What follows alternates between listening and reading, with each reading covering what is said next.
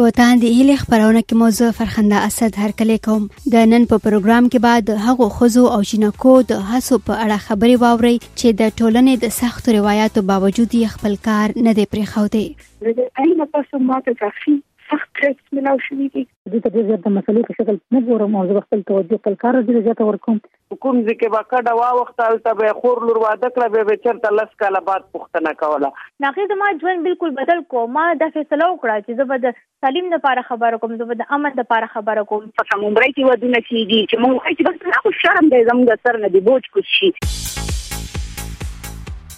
د خیبر پښتونخوا او قبایلی سیمو یو شمېر ښځې په سیاست، تعلیم، صحت، لوبو او نورو شوبو کې کار کوي. په دغو کې ډېرې ښځې داسې دي چې د سختو روایاتو باوجود د ژوند په بېلابېلو څانګو کې مخې ته راغلي دي. د نن په پروګرام کې د دغو ښځو د ژوند او کار یو مختصر تصویر وړاندې کوو. د اورکزو سیمې سره تعلق لرونکي د پیپلز ګوند نګت اورکزی وایي سیاست ورته په وراثت کې نه دی ملاو شوی هغه غوښتل چې کار وکړي او په کور کې هسې کیننی نو ځکه یې په لومړي ځل له کوره قدم بهر ک او په بانک کې کار شروع ک او د سیاست کې دراتلو یو وجه دا و چې زما ته د شورو نه دا شوق چې زه لکه نوکری وکم او بیا هغې نه پس د سیاست هغه ورځو کې چونکه ماته داسې هغه نو نو زما والد صاحب به چې دی نو چونکه ګاډی به وبسره او نو ډریور باندې به اعتماد به نه کولو نو زه به په خپل بوتلم را بوتلم نو داسې ما خپل تعلیم هم پوره کو بیا دې نه پس چې زما وادو شو نو بیا غې نه پس ما لکه بنک جوائن کو هغه هغه وخت کې د دوبۍ یو بانک او دغه په خبر کې یو برانچ او دغه نامه بانک اف عمان هغه کې ما ایز سیکرټری تور باندې اپلای مانه کړې خو بس هغه ته ضرورت او هغه ما ته انټرویو د پاره اواز ک او هغه نه پس چې دینو الته ما خپل دوه کال ولګول بیا ټي سي اس ان ډي ایچ ال چې دینو هغه یو ډېر لوی کمپنی و مشترکه د لکه ټي سي اس او ډي ایچ ال دا غي بیا ما بنیاد کې خود په خبر کې د یو کرسي او د یو میز نه هغه کې بیا مې مهنت ډېر زیات کو نو زه د پهلا ښځه او ما په د اوسنۍ په خبر پښتونخوا کې او زوړ ان دبليو اف پی کې چې زه بیا سټیشن منیجر پورې ما ترقی وکا هغه نه پس بیا ما امریکن کونسلیټ کې ایز ا سیکریټری ایډمن افیسر او پی آر او په ذریعہ مطلب په حیثیت باندې مې الته کار وکړو تقریبا 14 کال الته مې کار وکړو ډیر زیات سیاسی خلک به راتله زما والد صاحب سره دلته به جلسې به کېدې زمونږ کور کې. د سوات مټې ګلې خاندانه د جینکو د یو سرکاري سکول هغه استاذه ده چې د وسلوالو د دړکو باوجود یې خپل سکول ونه تړلو او د تعلیم سلسله یې ونه دروله. په هغه وخت کې چې کله طالبان اول راووتو نو موږ ته به یې ویل سکول بند کړئ. او بیا یې سکولونه سېزل نو زمونږ مډل سکول وسو کله چې زمونږ سکول ته راغلو وې چې دم سېزو نو زه پسې پخپله راوتم چې ما په وسېزی سکول به نه سېزی نو هغه سکول زما په وجه باندې بچ پاتې شو. د عوامي نشل ګوند یوه مرکزي مشره د صوابۍ د چنډۍ کلي اوسېدونکې بشرا ګوهر وايي، دا له تېرو څو کلونو راهیسې په سیاست کې ده. په دغه لار کې ډېرې قربانۍ ورکړې دي او له ډېرو مشکلاتو تېره شوې ده،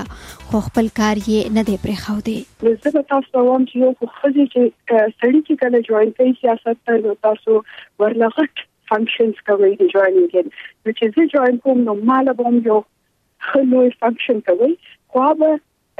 میوزیکل فنکشن دی نو پوره زموږ چې کوم ښه د پښتنو ښه سنګر سي لکه دغه د هارون باچا شو د ګلزار عالم شو دا چې سنگلز براولي او ما به تاسو خپل پاتې کې میوزیک سره ویلکم کوي زما خپل هارد ورک پاتې شوی دی په فیلډ کې مې کار کړی دی خپل وام اوسم چې سیاست پر اغلی هم د دې مقصد دا دی چې د خپل مټي وتړم او ست تبدیلای لپاره هلې ځلې وکړ ګورې دې زه به درته دا وایم چې کوم داس ما اوټ واخسته په پارلیمنت کې هغه اکه هفتي دنه ماته یو ریټن ټریټ راغی هغه ما بیا دغه ته کنسرن اتورټی ته ولیکه خو ډیر دغه مې څه ورنه کړی چې بنده په عملی دغه کې فیل کې ما دومره وخت تیر کړی دی چې اې کې هر وخت دا ټریټس وي خزو ته ځکه چې هم زموږ د بدقسمتي دا ده چې از ا سټیټ د سیموږه ریلیجیس ایکستریمزم د خو دې چې ودا وکي او هغه د خزو ذات نفي کول غواړي هغه بلکې مونږه دغه کوي چې بس دا خزي او چې ښکاری نه ماته بیا ډیر چې خپل پوزیشنز ما غوستي دي د طالبانایزیشن او مليټنسي خلاف د سرټن پالیسيانو خلاف د دې نه پس ماته کافي سخت ټریټس ملاو شوې دي د نړۍ د زړورې خزې جایزه ګټونکې او د غیر سرکاري ادارې جوړونکې د دیر شاد بیګم بیا وایي که څه هم د دې کار ته په نړیواله کچه درناوی ورکړل شوی خو اوس هم په ټولنه کې د ښځو بهر کار کولو ته په ښه سترګه نه کتل کېږي. خبر دا دی چې ټیک شو ما ته بین الاقوامي یو حوصله افزایي میلاو شوه چې زما کار چې کوم دی ټوله دنیا اوس مني چې کوم کار د ښځو لپاره ما کړی دی او هغه صحیح دی خو د کې یو دا دی چې اوس لکه زه ذمہ داري ډېره زیاته محسوسوم چې اوس د څونو چې کوم خپل کار کې ډېر زیات زنانه شامل کما ډېر زیات جنکۍ شامل کما او د هغوی اوازونه چې کوم دي کوم څه وی چې پلیټ فارم سټیج دی هغه راورسوم نو په دې دوران کې چې مخکې ماته موږ څه مسلې وی چې کله کله د امن د تحفظ مسلې شي یا تاسو په بار کې سبزات بار کې خلک نګټیو خبرې کوي دا قسم شي چې ما ډیر وخت نه فیس کړی دی ډیر وخت نه زه کوي چې دې د کار کوم چې دا ځنه تقریبا پر ځانه بنیادونه باندې کیږي ځکه په دې ته ډیر زیات مسلې په شکل نه ګورم او زه خپل توجه خپل کار دې زیات ورکوم زه خپل کار کې کوم دی مخکې څومره مزید مضبوط کوم خې کوم او څومره ډیر نه ډیر خلک پکې شامل کوم د صوابۍ ګلاله اسماعیل چې د ابیر ګلز په نوم یو غیر سرکاري اداره چلوي یو شمیر نړیوالې جایزې ګټلي وایي په ټولنه کې د جمهوریت او د جنکو د تعلیم لپاره مبارزه کوي او دغه کار یې د ژوند مقصد ګرځولې کوم جمهوریت له کار د نغمه صرف پاکستان کې دنه نه د کړه بلکې د پاکستان نه بهر هم په مختلف پلیټ فارم باندې ما د جمهوریت او د جمهوریت مضبوطی د بار आवाज اوچت کړی دی کباري علاقو ته په دې لیول کې اکثر موږ د خپل تل ګرانی خو د الته چې کوم ځوانان دي د کباري علاقو هغه موږ په خپل مختلف پروګرامونو کې ځان سره شامل ساتو موږ بلوچستان کې هم کار شروع کوو چې بلوچستان کې هم تقریبا زموږ چې څنګه زموږ په خبر پښتونخوا کې مسلې دي نو الته هم تقریبا دا شانت مسلې مسلې الته هم زموږ فوکس دا دی چې موږ د لږ ځای کې کار وکړو خو سم کار دی کو خ کار دی پښتنو جنو کو ته ژوند سان شي هغه ته لارې کولاو شي د ترقی او هغه مخ کې راشي د نړۍ د زړورې خزې جایزه ګټونکې د جنوبي وزیرستان ډاکټر بیگم جان د فاټا د ښځو د خیر ښېګړې یوه اداره هم چلوي. هغه وايي، بدامنیو پوځي عملیاتو د فاټا د ښځو ژوند له ستونزو سره مخامخ کړ. هغه وختونه اوس تېر شول. هغه وخت پسې ارمانونه کېږي او ژړاګانې کېږي چې هغه پخوانی وخت واپس نه راځي چې په ګډه به په چینه باندې په مجلس کېناستو، یو بل ته به یې زړه سپک کړو او خپل کار به یې کاوه. په پټو ته بتلې او غرونو ته بتلې او خپل مالونه او خپل کورونه به راټولول دی په ژوند پسې اوس کړیږي ان یو د بل نه داسې ورکه شوې لکه په خوا کچرته دریاد شي چې د کوچانو کډه بتلې چې کوم ځکه به کډه واوختل ته به خور لور واده کړه به چرته لس کاله بعد پښتنه کوله اوس زمونږ د قبایلی خویندو میندو دا حال شو نوبل جایزه ګټونکې د جنکو د تعلیم مبارزه د سوات ملاله یوسفزۍ وایي دای ارمان او د ژوند مقصد جوړ شوی چې هر ماشوم دې اسکول ته لاړ شي ما چې کم حالات په سوات کې لیدلی نو هغه زما ژوند چې هغه یعنی بالکل تبدیلی کو بدلونه پکې راوستو او حالات چې زه مجبور کړم ما چې خپل معاشره کې دل چې جنکه سکول ته نشیتلې هر ورځ د ماکی کیږي او د انسان ژوند چې کم دغه په خطر کې دی هغې زما ژوند بلکل بدل کړو، ما دا فیصله وکړه چې زه به د تعلیم لپاره خبره کوم، زه به د امن لپاره خبره کوم، هغه به زه جاري ساتم، یو طرف ته خو ایوارډونه راته ملاویږي، هغه زما لپاره ډیره زیات د عزت خبره ده او زه د خلکو شکریه ادا کوم چې هغه ما دومره سپورټ کوي، خو د هغې نه علاوه اوس زما هغه د ماشوموالي هغه خوشحالي چې ده نو هغه اوس په نینځکو د لبو کې نه د هغه وس د یعنی خپل جامو غستلو کې نه د بلکې هغه اوس هر یو هغه زما د اوس د ژوند هغه کوم مقصد چې کوم خواهش چې مې هغه دار چې د هر یو ماشوم وینم چې هغه سکول ته رواني هر یو ماشوم چې د تعلیم حاصلې هم د سوات د خویاندو د جرګې جوړونکي او د نړۍ د زړورې خزې جایزه ګټونکي تبسم عدنان وای اوس هم په ټولنه کې خزې لګڼو ټولنیزو ستونزو تیریږي او اکثره یې بنیادي حقونه له پښو لاندې کیږي زیات تر خلک خپل لونه چې دین او هغه د غربت په لاس زر واده کی بل دا چې لکه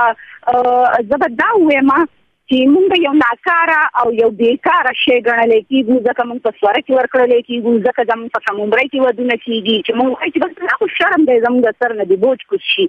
زموږ کا څوک وای چې ما دا خبره غلطه کړې ده نو هغه دې څو بار وای خو دا خبره دې سي دا بالکل زموږ خلکو دا سوچ دی چې بس دا شرم دی دا دې زموږ سره نه کوشي او متلې په سیم جوړ کړي چې شرم موږ بل په سر کې خو د موږ یې څه کو هر څه کوي کنه نو موږ په دې نظر کتلې چې نو په دې وجه باندې پښتانه چې دي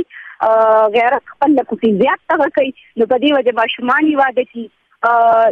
د کورونو نه لري کی او بل دا چې دی ورځو کې چې کم کیسونه شوي دي وڅو خلک ایجوکیټډ شوي دي نو ایجوکیشن لیول دلته کې سیوا شوي دي نو وڅو او خيار دي نه کوي دومره ډیر زیاتو خو د آی ډی پی په ورځو کې او دا غي نو پس چې کمی دي نه کوي ماشومان وادي شوي دي نو دا غي غټ ریزن دا دی چې دا غوي پلاران د براهان په فلټ کې په زلزلو کې په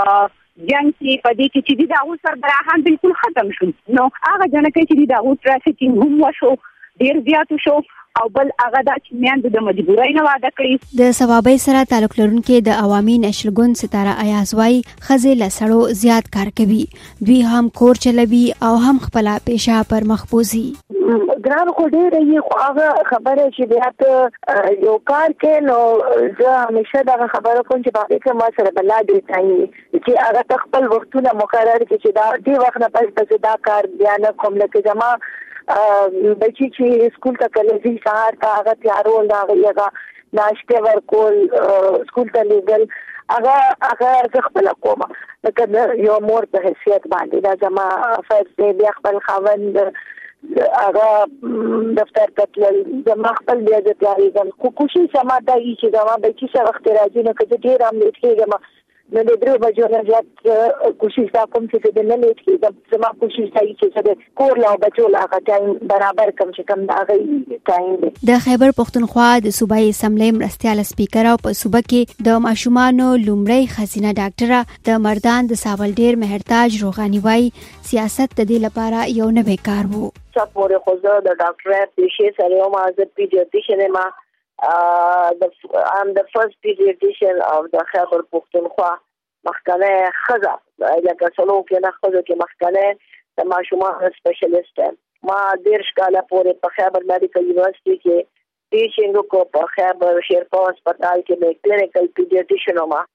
خو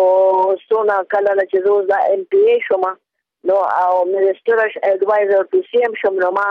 هغه کار پرېښود ځکه چې دواړه په یو ځای مانا نه کېدل بیا د جنوبي وزیرستان د سکواش لوبغاړې ماریا تورپیکۍ وایي د دوی په کورنۍ کور او کلي کې دا لومړی جنۍ وه چې لوبو ته راغله دا وایي دغه قدم یې د قبایلي روایاتو خلاف و خو کورنۍ یې مرسته وکړه. اصل شی دا خو د مشک سوچ نه وه چې مشک خپله چې د جلکۍ اسپورټس خو سوچ ښه نه دی که نه داسې قسم چې دی ایجوکیشن ها دی دمره خاص لکه سم یو تم ها ډېر په مشکله سره درکوي او بل دا ده چې مو اول ویټ لفټینګ شروع کوم ویټ لفټینګ زه اصل شی ژوندکیونه غوندې ستره شوې یم جلکۍ غوندې ستره شوې نه یم سر مې ها د ویشتون مې ها مو داسې ژوندکیونه غوندې پرې کړلو. اوس خو